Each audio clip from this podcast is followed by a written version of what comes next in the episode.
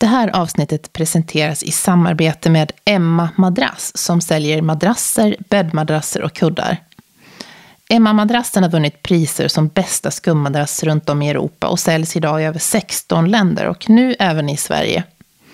Det här är en prisvärd madrass som anpassar sig efter din kropp genom flera olika lager av tryckavlastande skum och som tillverkas i kvalitetsmaterial. Har du inte hittat en kudde som passar dig än så kan jag varmt rekommendera Emma-kudden som har tre olika lager som gör det möjligt att anpassa kuddens höjd. Och även har ett tryckavlastande memory foam som anpassar sig efter ditt huvud. Du får möjlighet att prova produkterna i hela 100 dagar och har 10 års garanti. Det är fri frakt och retur på produkterna och de levereras hem till dig på några dagar. Och madrassen levereras vakuumförpackad i en specialtillverkad box som gör den lätt och smidig att bära. Just nu får du som lyssnar på Inredningspodden hela 30% rabatt. Så klicka in dig på emma-madrass.se och ange rabattkoden Johanna30. Och Johanna ska vara med stort J för att ta del av det här specialerbjudandet.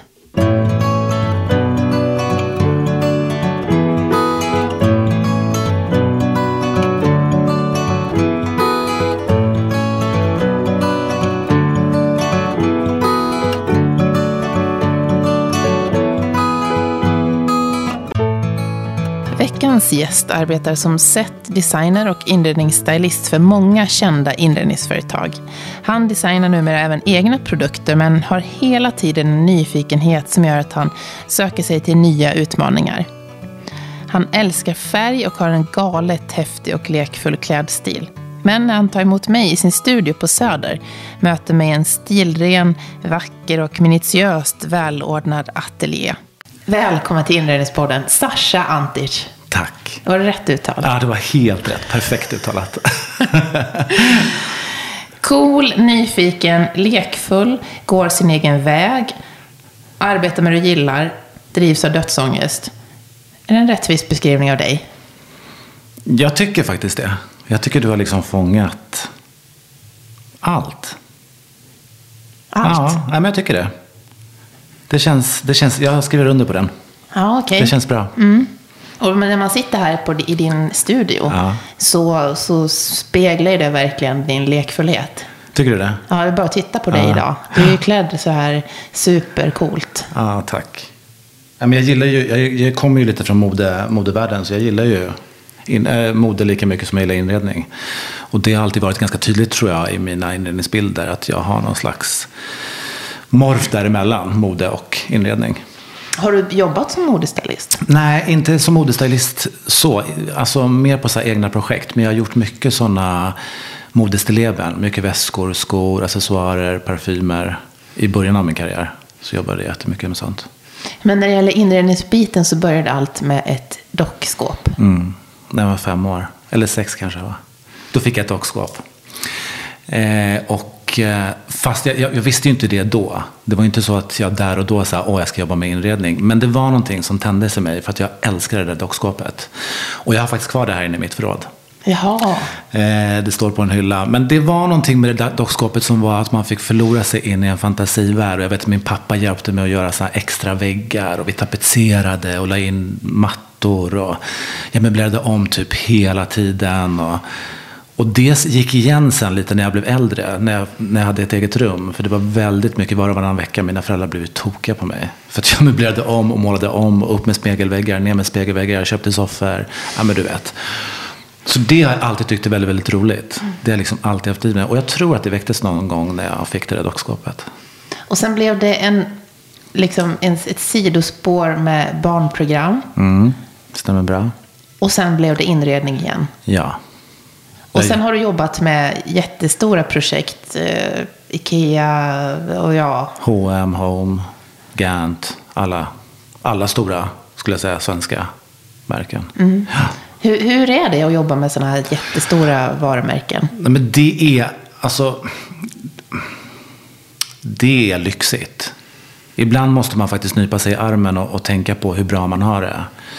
Speciellt när man får haft en ynnesten som jag och fått resa väldigt mycket utomlands och styla kataloger och kampanjer och sådär. När man åker till Sydafrika eller USA och står på de mest fantastiska locations som finns. Och se liksom delfiner hoppa i havet utanför och så står jag och bäddar en säng och man har musik och det är liksom ett crew och alla är glada. Och, ja men du vet, det är så här, det blir skitkonstigt ibland. Det blir så här, shit det här är mitt liv liksom. Ah. Det är också svinjobbigt för det är jättemycket på, på ens axlar för man måste ju prestera och leverera. Men överlag så är det en väldigt lyxig känsla. Man måste liksom... Har man eh, då, det här är this is it, det här är vad du ska skapa. Har man tydliga riktlinjer eller har man mycket frihet att skapa själv med de här stora företagen? Man har, man har, man har givna ramar, men i de, i, i de ramarna så finns det väldigt mycket de har ju tagit mig för att jag har en speciell stil, för att de gillar en speciell stil hos mig. Som de tycker passar med den, med det släppet till exempel, med den kollektionen. Så i de här ramarna så har man ändå frihet att göra sin egen tolkning. Men sen så är det så, man samarbetar, man är ju team, man är ju inte själv i det här. Utan man samarbetar med en AD som har en tydlig bild. Och så får man en brief och sen så går jag hem och skissar. Och, och förlåt, briefen kan vara liksom att det ska vara ett sovrum som Precis, är... Briefen kan vara så här, nu ska vi göra den här kampanjen, den handlar om den är Mexiko-inspirerad, eh, det är mycket färg, du vet så. Och sen så när jag har fått den så går jag hem och så tänker jag på den och så skissar jag och samlar inspirationsbilder. Och sen så presenterar jag det för Aden och säger så här, men så här skulle jag vilja göra. Och så tweakar man lite, alltså man ändrar kanske vissa grejer, andra gånger är det bara, men det här är helt perfekt, vi kör. Och sen så brukar man ofta när man jobbar med sådana stora företag så brukar man alltid vara på, gå på en matchning, heter det. Och det är då man går dit tillsammans med ADn och företaget och tittar på alla produkter. Så man får klämma och känna på alla produkter och se liksom allting live. Och sen får man också bestämma hur mycket man ska ha med sig. Hur många liksom specifika vaser man ska ha. Om man ska ha med sig liksom vilka bäddset man ska ha och sådär. Som ska packas. Eh, och sen när det är klart, då då kör man liksom. Men om man säger, ofta har man ju en massa lullull också. Man har inte bara det Nej, precis. Produkter. Oftast har man massa lullur. För i, parallellt med det så har man ju egen rekvisita som man, för att förstärka liksom den looken eller den kampanjen. Men det har blivit mer och mer Alltså eftersom de, de flesta stora företag, till exempel när man jobbar med IKEA. IKEA säljer allting från lampor till accessoarer till sängar. Så där är det väldigt svårt att ta in extern rekvisita. Det gör man i enstaka fall för att få mer en sån här inspiration. Så här lever människor. Man har inte bara allting IKEA utan man har kanske en gammal stol någonstans. Alltså så. Men överlag så försöker man ändå jobba så mycket som möjligt med kundens möbler. Och jag tycker också det är det som också gör en bra stylist. Jag kan, också, jag kan ibland se bilder som stylister har gjort där de tar in för eh, designiga möbler som tar för mycket fokus från det företaget och då tycker inte jag det blir bra. Då blir det så här, då tittar man bara så här, åh den här fåtöljen, var kommer den ifrån? Åh vad är det där för soffa? Fast egentligen kuddarna man säljer för det företaget. Alltså förstår du, det blir så där, det blir en konstig grej. Och det tror jag många företag brottas mycket med också, att hitta sådana enkla. Och, och, och, för att komma runt det så brukar jag ofta designa eg, egna möbler. Jag brukar liksom rita ett vardagsrumsbord eller om det är sånt som är... Det känns lättare att göra det. Och så tar du med det? Nej, jag tar inte med mig det. Utan jag, man efter, ofta när man jobbar utomlands så är det så att man lämnar det till produktionsbolaget för det, det går inte att liksom ta med sig. Men det, det är en grej att komma runt att man liksom gör egna egna saker.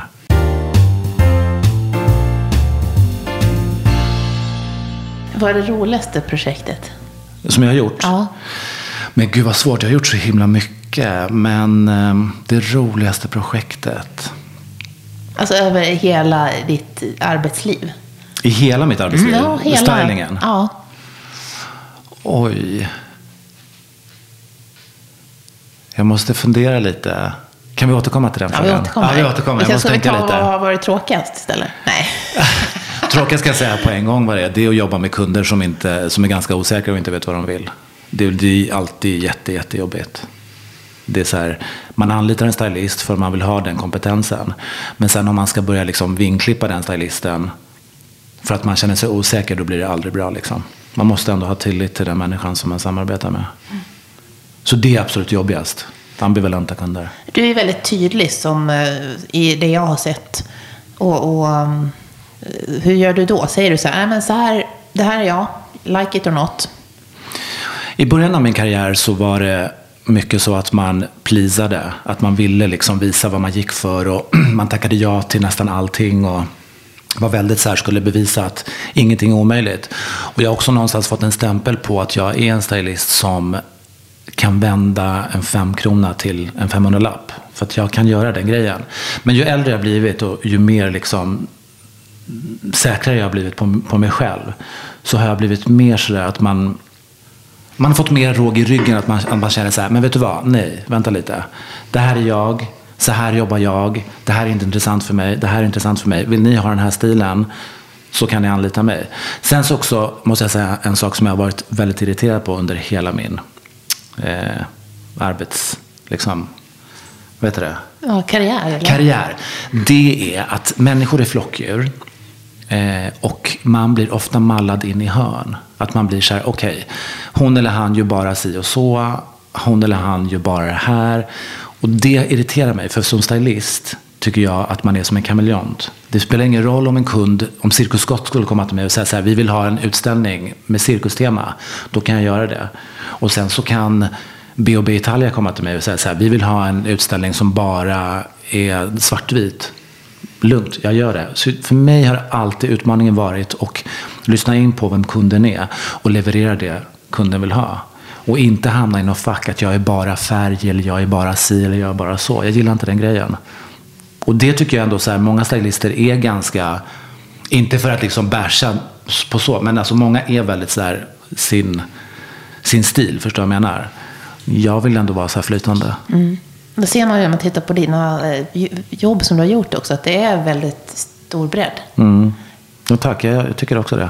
Mycket som nu din studio, nu när jag kom in, jag sa, mm. wow, det här var ju liksom, oj, stilrent mm. och eh, minimalistiskt. Mm. Medan sen en del jobb som du gjort för Ikea är så mm. här, flower power, hej. Exakt, exakt. Så det är det jag menar, det ena utesluter inte det andra. Jag menar min estetik hemma eller på mitt kontor är ju en helt annan än vad jag gör till exempel för Ikea eller H&M Home. Eller, det beror på helt vad, vad den kunden vill ha. Så det gäller att lyssna in sig på kunden och leverera det kunden vill ha. Hur har du, man är ju ändå nyfiken, hur, vad är eh, Sasha Antic stil hemma? Eh, ganska minimalistisk skulle jag säga, utan att bli liksom tråkig. Jag, eh, jag bor ju väldigt litet och har gjort det väldigt länge. Så jag har liksom lärt mig och rensa väldigt mycket hemma. Jag älskar också att rensa. Det är liksom en av mina jag älskar att städa och jag älskar att rensa. Är du Marie Kondos eh, motsvarighet? Nej, inte Marie Kondo.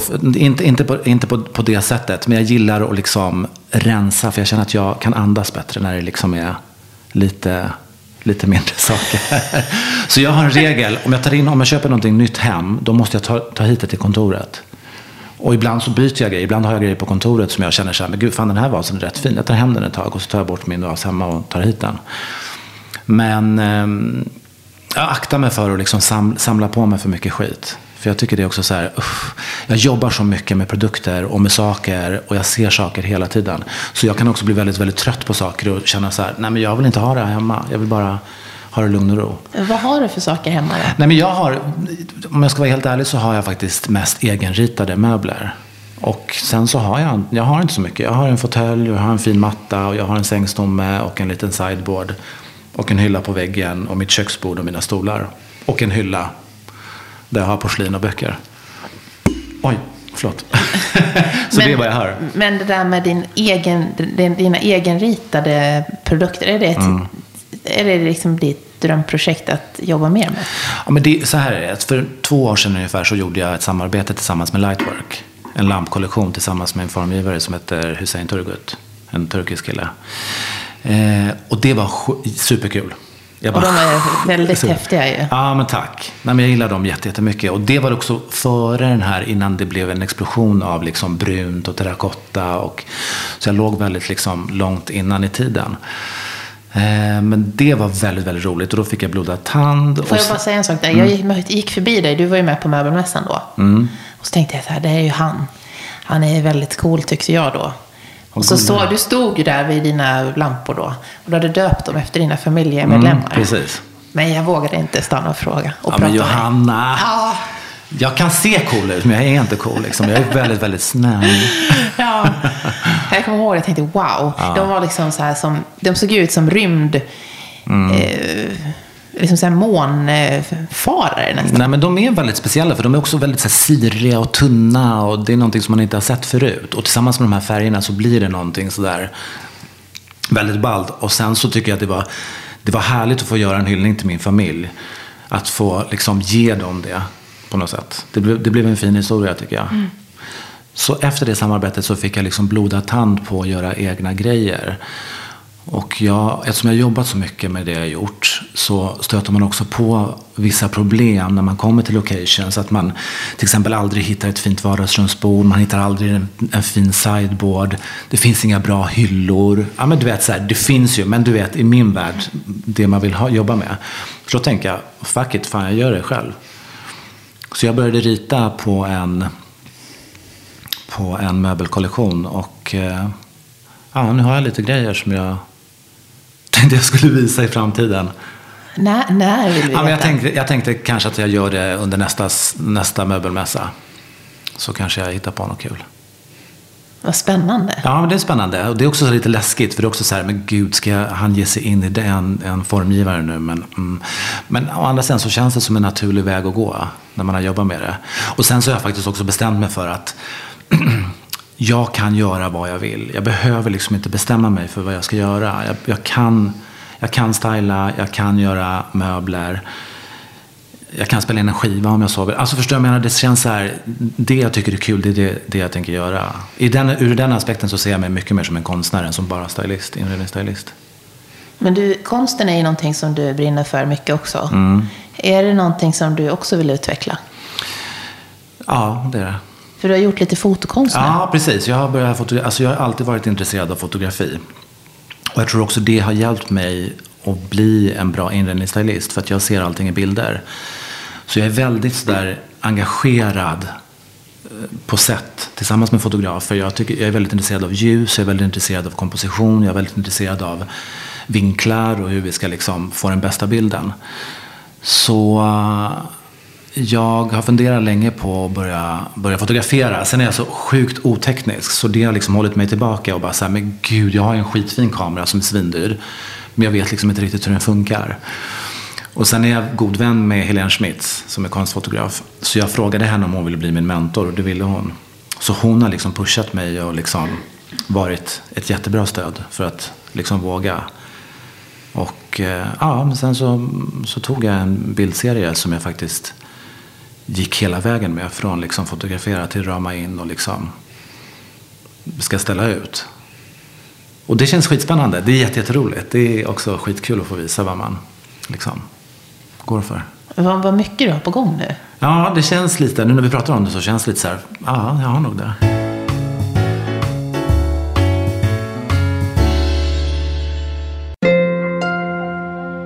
Gå gärna in och prenumerera på Inredningspodden med Johanna Hulander så att du får en notis när nästa avsnitt släpps. Jag sänder hela sommaren så att du under semestern varje onsdag kan höra ett nytt avsnitt. Och gillar du Inredningspodden med mig så skriv ett omdöme eller en recension så att flera hittar till Inredningspodden med Johanna Hulander. På inredningspodden.com finns alla avsnitt samlade för olika sätt att lyssna, till exempel Spotify, iTunes eller Acast. Och där kan du också lämna din mejladress för att få det första nyhetsbrevet som mejlas ut i sommar.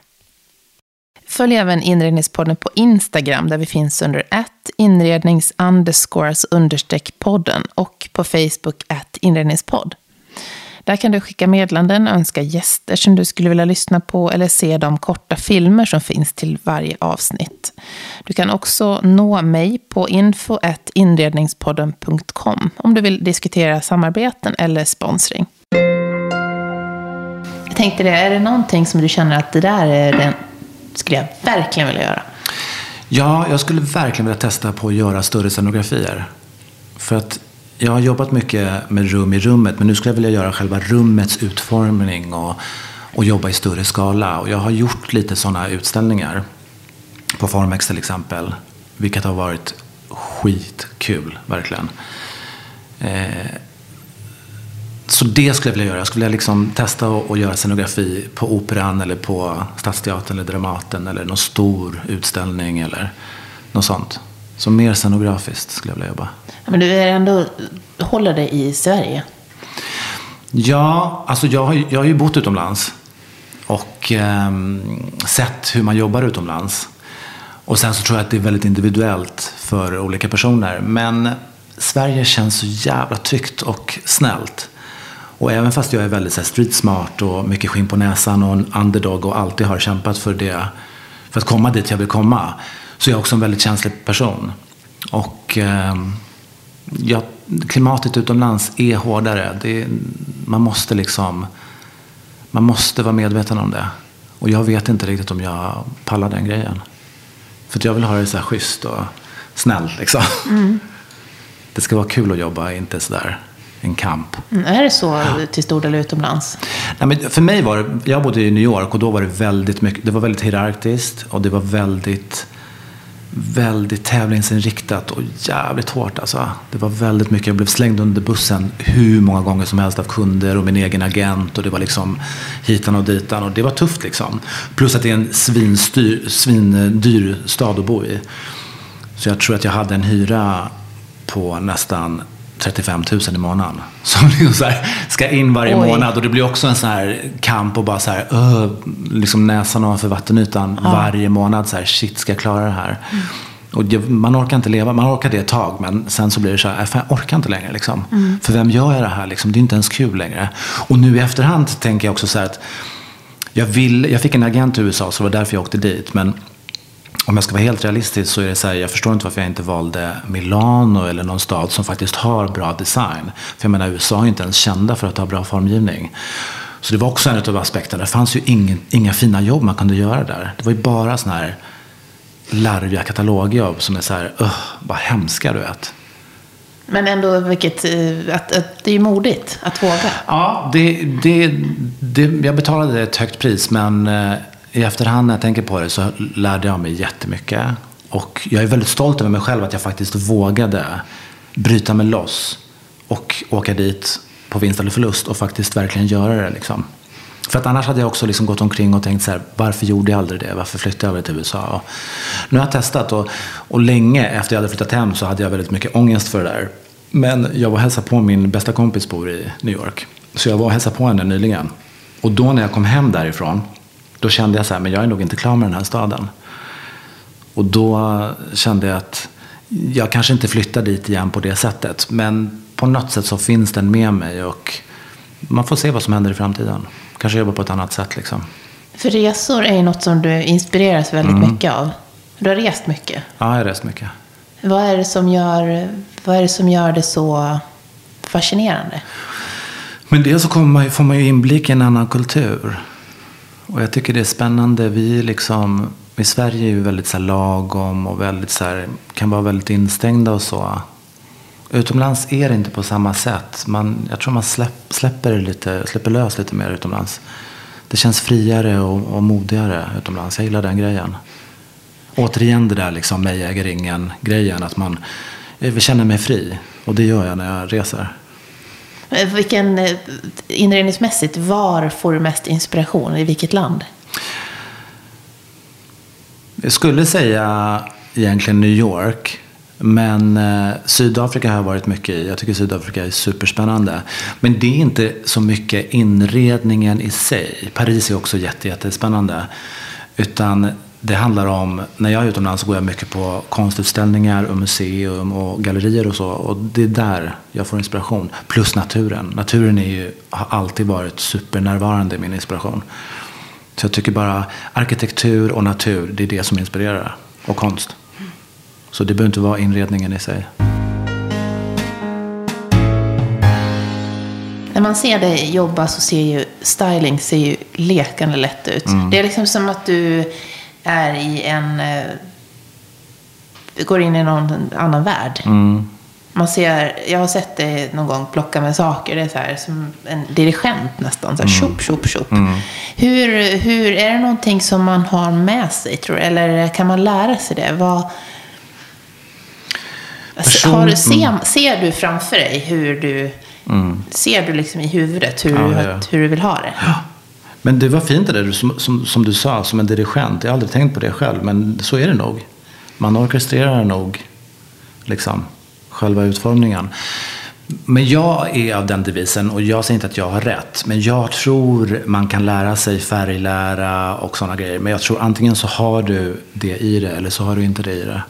Jag tror att vissa människor bara är, är bläst med att ha det liksom i blodet. Så har det varit för mig i alla fall. Det, jag har lärt mig mycket på vägen. Men det, det har jag inte lärt mig, för det har jag haft hela tiden. För en del, när man ser, det vet ju ni som lyssnar också, att man ska få det att se sådär Levande. levande. Ja, Det ska se ut som man bor Mm, här ändå. ja. Det ska inte vara så här kliniskt, det ska Nej. ändå vara någonting som Ja. gör det. Som det här kortet du har satt upp här, eller de där små detaljerna. Mm. Och det är en konst i sig, det är det faktiskt. Mm. Det är inte alltid lätt att, att få det att se inbott och som att någon precis har varit där. Ofta Mm. blir det väldigt så här uppställt och, och stelt. Men, eh, nej, men jag har väl bara det. Jag kan den grejen. Du jobbar ju till viss del med privata hem också. Ja, det är. Hur, hur, hur blir det när du kommer hem till någon? Nej, men det är kul, för just nu jobbar jag med, med en tjej som bor i Lärkstan. Eh, och vi är väldigt lika. Så där har jag haft tur. Eh, så det är lite som att inreda för sig själv. För hon, eh, jag presenterar liksom ett moodboard om, om vad jag tycker att hon ska göra. Och hon gillar det mesta och vi har en väldigt bra kommunikation med varandra. Så där är det skitkul. Hon är också, hon har, det finns bra budget, det är, liksom, det, det är bara jätteroligt. Men eh, det är svårt. Ibland så, så jobbar man med kunder som, som man inte alls har samma smak med och som, som, som vill ha någonting helt annat. Och då får man sätta sig in i deras situation och, och ge dem det de vill ha. Men går du in och säger så här, men Johanna, här du får ta bort lite. Här får du, och sen så tycker jag du borde köpa ett nytt köksbord, eller hur? Ja, så. Är det så? Ja, lite så är det. Och så ger du förslag på det. Man gör en konsult, konsult, konsultation. Man går dit, hälsar på och sen så går man hem och sen så gör man ett moodboard. Och sen så träffas man igen och då säger man och presenterar det som man har kommit fram till. Och då har också kunden berättat sina behov av att jag vill uppdatera mitt hem eller jag vill liksom göra om mitt kök eller jag vill liksom byta ut allting. Jag gillar den här stilen, jag, det här tycker jag är fint. Alltså du vet. Och så får man morfa det. Och sen, men, men basically är det så att man, man gör så. Man är ganska... De har ju an, anlitat mig um, för att de vill ha proffshjälp. Så då känns det inte konstigt att säga så här. Johanna, rensa lite här och ett nytt köksbord vore fint. Och så. Mm. Då är du ganska rak där också. Ja, det är jag. Men eh, det, det, det, du har ju lite kul kombo, för att du gör ju egentligen väldigt mycket. Mm. Just med att du också kör privata kunder. För det finns ju en del som säger att aldrig i livet. Jag var så i början faktiskt. Jag har, jag har jobbat väldigt mycket kommersiellt med stora, stora kunder. Och hållit mig borta från. Jag har ju fått väldigt mycket förfrågningar från privata kunder och sagt så här, nej men det är inte min grej och jag tycker inte det är riktigt roligt och sådär. Men den här människan som jag jobbar med nu, henne blev jag introducerad av via en kompis som sa att jag har den här kompisen jag tror ni skulle gilla varandra, hon behöver hjälp, kan jag rekommendera dig? Och då tänkte jag, ja men visst fan gör det då. Liksom. Och tänkte inte mer på det. Men sen så hörde hon av sig. Och då var det så här, oj, okej, ja, ja, nej men vi ses då. Och sen så klickade vi. Och då kände jag bara så här, men vad fan, okej jag gör det här då. För det är också en drivkraft i mig att jag letar ofta, eller jag, det är bra att göra saker som man är lite rädd för. Eh, eftersom jag är ett sånt kontrollfreak så får man ibland förfrågningar som man inte har koll på. Förstår du vad jag menar? Och då är det bra att våga tacka ja. För att det är det man växer och lär sig på. Så den drivkraften har jag också lite att så här, fan, jag är lite rädd för det här. Men fan, jag gör det. För jag vet att jag fixar det. Jag gör fan det. Det är, Förstår så, du lite det jag är, ja, jag förstår det. Det är väldigt Ja. modigt. Ja. Det var ju samma med podden. Alltså, så Ja. är det också så här. Du, jag vet ingen podd. Nej, men kul. Ja, ja. Vi testar. Och grejen är så att det är inte hjärnkirurgi vi håller på med. Det är också så att man måste komma ihåg det, vi som jobbar i den här branschen. Ibland blir det för allvarligt. Och jag känner bara så här. För det första måste det vara lite roligt åt oss själva. Och det är inte hjärnkirurgi. Och blir det inte bra så blir det inte bra. Big deal. Fan, då gör vi om då. Det är så här. Fan, det är ingen som dör eller liksom. Skitsamma. Vi Verkligen. måste liksom ha lite den distansen till oss själva tror jag.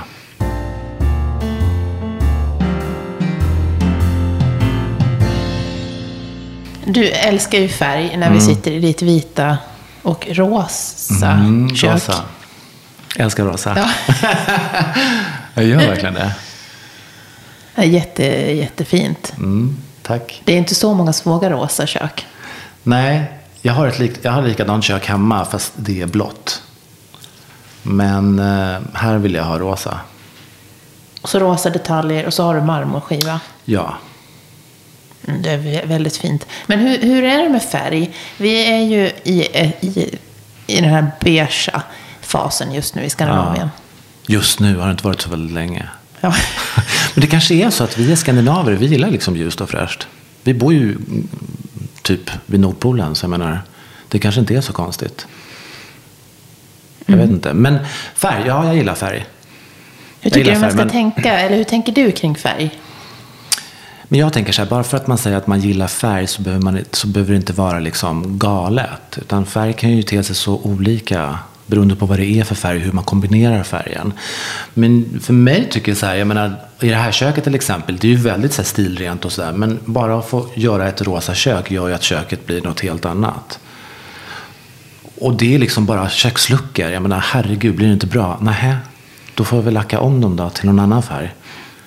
Det är liksom, färg är, ju så bra på det sättet för det är så lätt förändligt. Man kan liksom bara måla en vägg. Äh, det fan blev inte bra med blått. Äh, testa grönt. Ah, fan det blir skitbra. Jag kör grönt. Återkommer du ofta till samma nyans, samma kulör? Eh, nej, det gör jag faktiskt inte. Jag tycker det är kul med färg och jag tycker det är kul att hitta nya färger och färgkombinationer. Och... Nu är jag väldigt inne på kleinblått. Ja, det, det är det du har idag, nästan. Ja, nej, men jag har blivit liksom, jag vet inte, det är någonting med blått som, blått har alltid legat mig, rött och blått. Också för att jag var liten och min mamma alltid klädde mig i rött för att hon sa att du passar så bra i rött. För att jag var mörkhårig, så töntigt. Och marinblått. Så alltid när jag fick köpa så skoltröjor så var de alltid röda eller marinblå. Vilket inte var så kul på den tiden, för då vill man ha typ så gult eller liksom något annat. Men nu, ju äldre jag blir, så, så kommer jag tillbaka till det här marinblå och det här röda. För det är någonting med blått som är väldigt härligt. Så nu, nu har jag en sån blå period. Mm, det syns ju. Nu har du en blå Acne-tröja och sen har du en sidensjal i gult och svart och vitt. Ja, det, det, det är ju så att man skulle behöva anlita dig som modestylist. Nej, du är så fin Johanna. Du behöver inte, du har koll på det där. Nej. Men eh, jag tänker på det här med färg. Vad vill du ge för tips till den som är, känner att åh, jag, jag vågar aldrig annat än vitt? Nej. Oj, nu spränger de här. Hör du? Oj, det vibrerar hela golvet. Ja, det är berget. Det är Slussen. Varje dag, två gånger om dagen. Oj. Så snart ramlar vi ner i ett slukhål. The end. Ja. Nej, men eh, om man vill använda färg och inte vågar. Jag tycker man kan jag tycker inte man behöver liksom ösa på med färg i ga, som en galning. Men man kan börja med en lugn bas. Börja med en vit eller grå eller någon neutral bas. Och sen så adderar man bara textilier, kuddar, plädar, mattor, gardiner, tavlor. Alltså gå den vägen och testa dig fram liksom.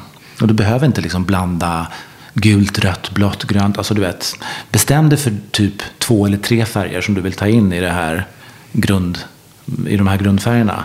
Och sen så kör du det. För det är också tycker jag en bra regel att man ska nog, man ska nog akta sig för att liksom ta in för mycket färger som krockar med varandra. Även om jag älskar mönstermixar och så. Men det är ju jag som person. Liksom. Men gemene man är ju inte så. Så då tycker jag man ska hålla sig till två, två eller tre färger.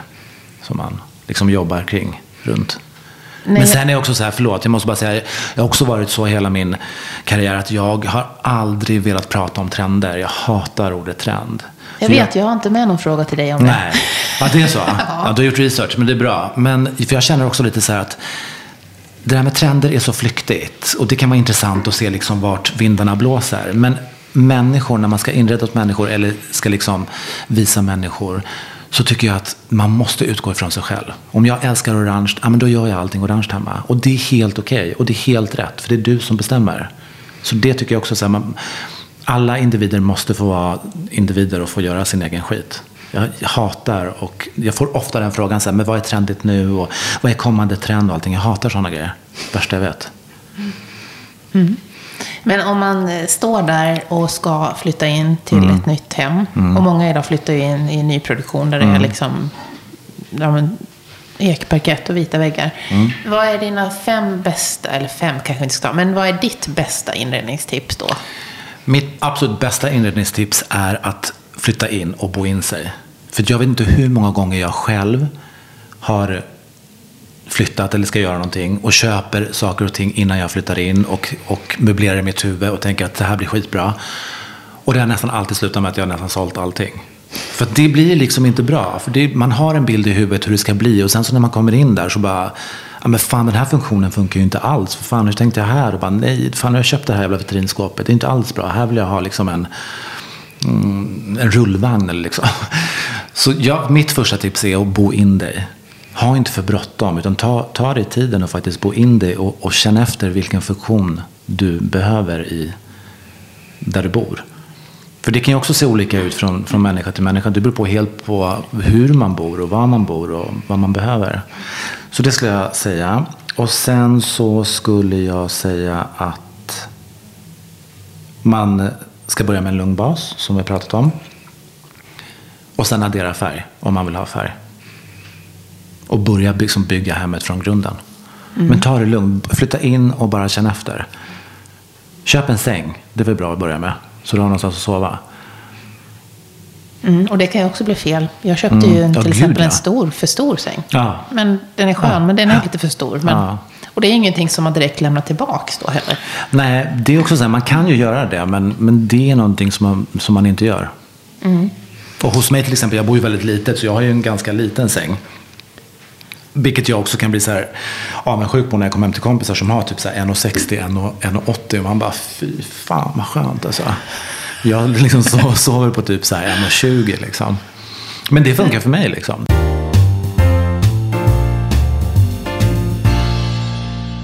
Det där med dödsångesten som mm. du har haft med dig genom, genom livet. Mm. Hur, hur hanterar du den idag? Terapi. Ja. Gå i terapi. Ja, terapi är ett måste. Men eh, den kommer och går. Det är inte så att, jag liksom, att den är med mig 24-7 in my face. Men den finns liksom i bakhuvudet. Och jag tycker också ju äldre man blir, desto mer känner jag att jag måste liksom foka på det jag verkligen vill göra. Och göra det, inte bara snacka utan faktiskt ta tag i skit och göra det. För jag är också väldigt bra på att snacka. Och sen så bara, ja ah, just det, fan jag gjorde inte det. Jag gjorde alltså, och så kommer någon annan och gör det och så bara, fan det här var ju min idé, jag skulle göra det här och bara varför gjorde jag inte det? Så nu känner jag så här, nej men ta tag i den här skiten nu. Du behöver inte bestämma vad du ska göra, gör bara det som är kul. Och bara gör det. Så, så försöker jag tänka nu. Mm.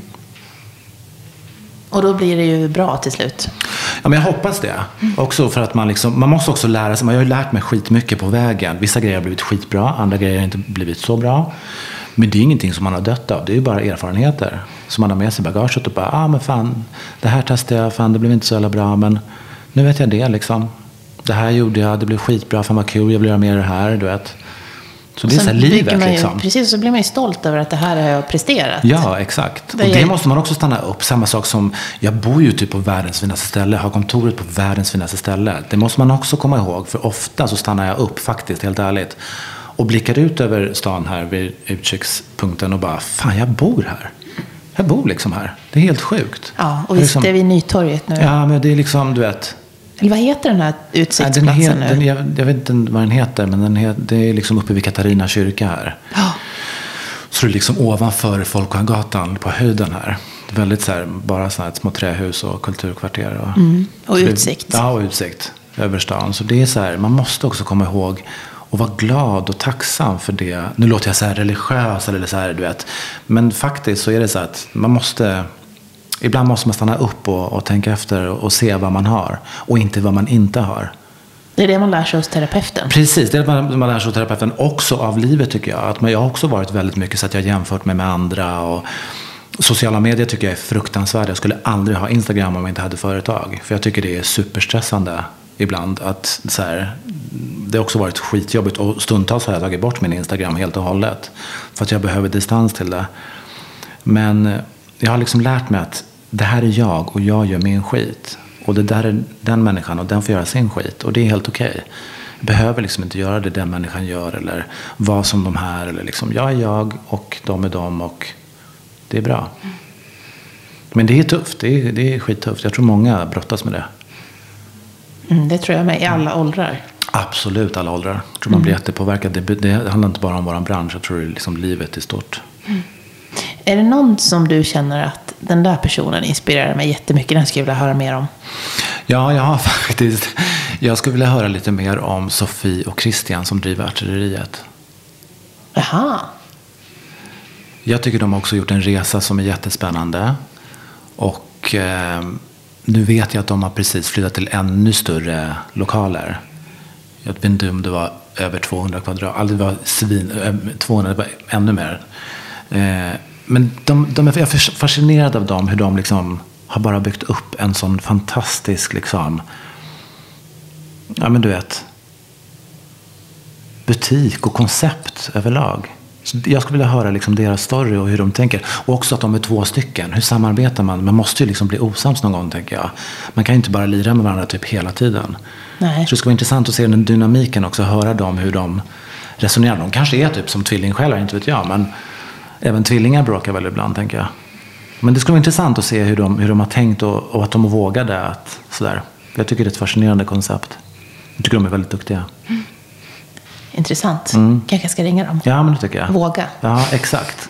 Och så åker du ner till Göteborg. Det blir skittrevligt. Ja, du ja. kanske ska åka med? Ja, kanske. För jag har liksom inte ens varit på artilleriet. Så det Nej, kanske är dags. Ja, det är dags. Ja, vi får ta en liten utflykt ner dit. Ja, faktiskt. Ja, absolut. Jag är på. Hur kommer man i kontakt med dig nu när du inte är... Du är på sociala medier. Precis, jag är på sociala medier. Så man hittar mig där under Sasha Antic Studio. Motvilligt är du där? Motvilligt? Nej, men alltså, du vet. Ja, men både och. Jag gillar ju, det jag gillar med, med, sociala medier och Instagram just är stories. För där kan man vara lite friare i formen. Där kan man liksom vara lite, visa lite mer av sin personlighet. Och sen, så har, man, sen har jag bara ett businesskonto nu där jag bara har, lägger upp jobb och allt det som rör företaget. För att jag tycker det är lättare att separera det på det sättet. Sen har jag ett hemligt konto också som är bara för mina absolut bästa vänner. Som är stängt. Eh, men dels där och sen så har jag en hemsida, sashaantic.com.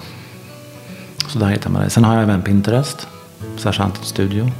Tusen tack Sasha. Men tack själv Och nu ska, vi, nu ska vi fira. Ja, det ska vi göra. Du fyller år. Ja, och du med. Ja. ja. Så grattis i förskott. Grattis.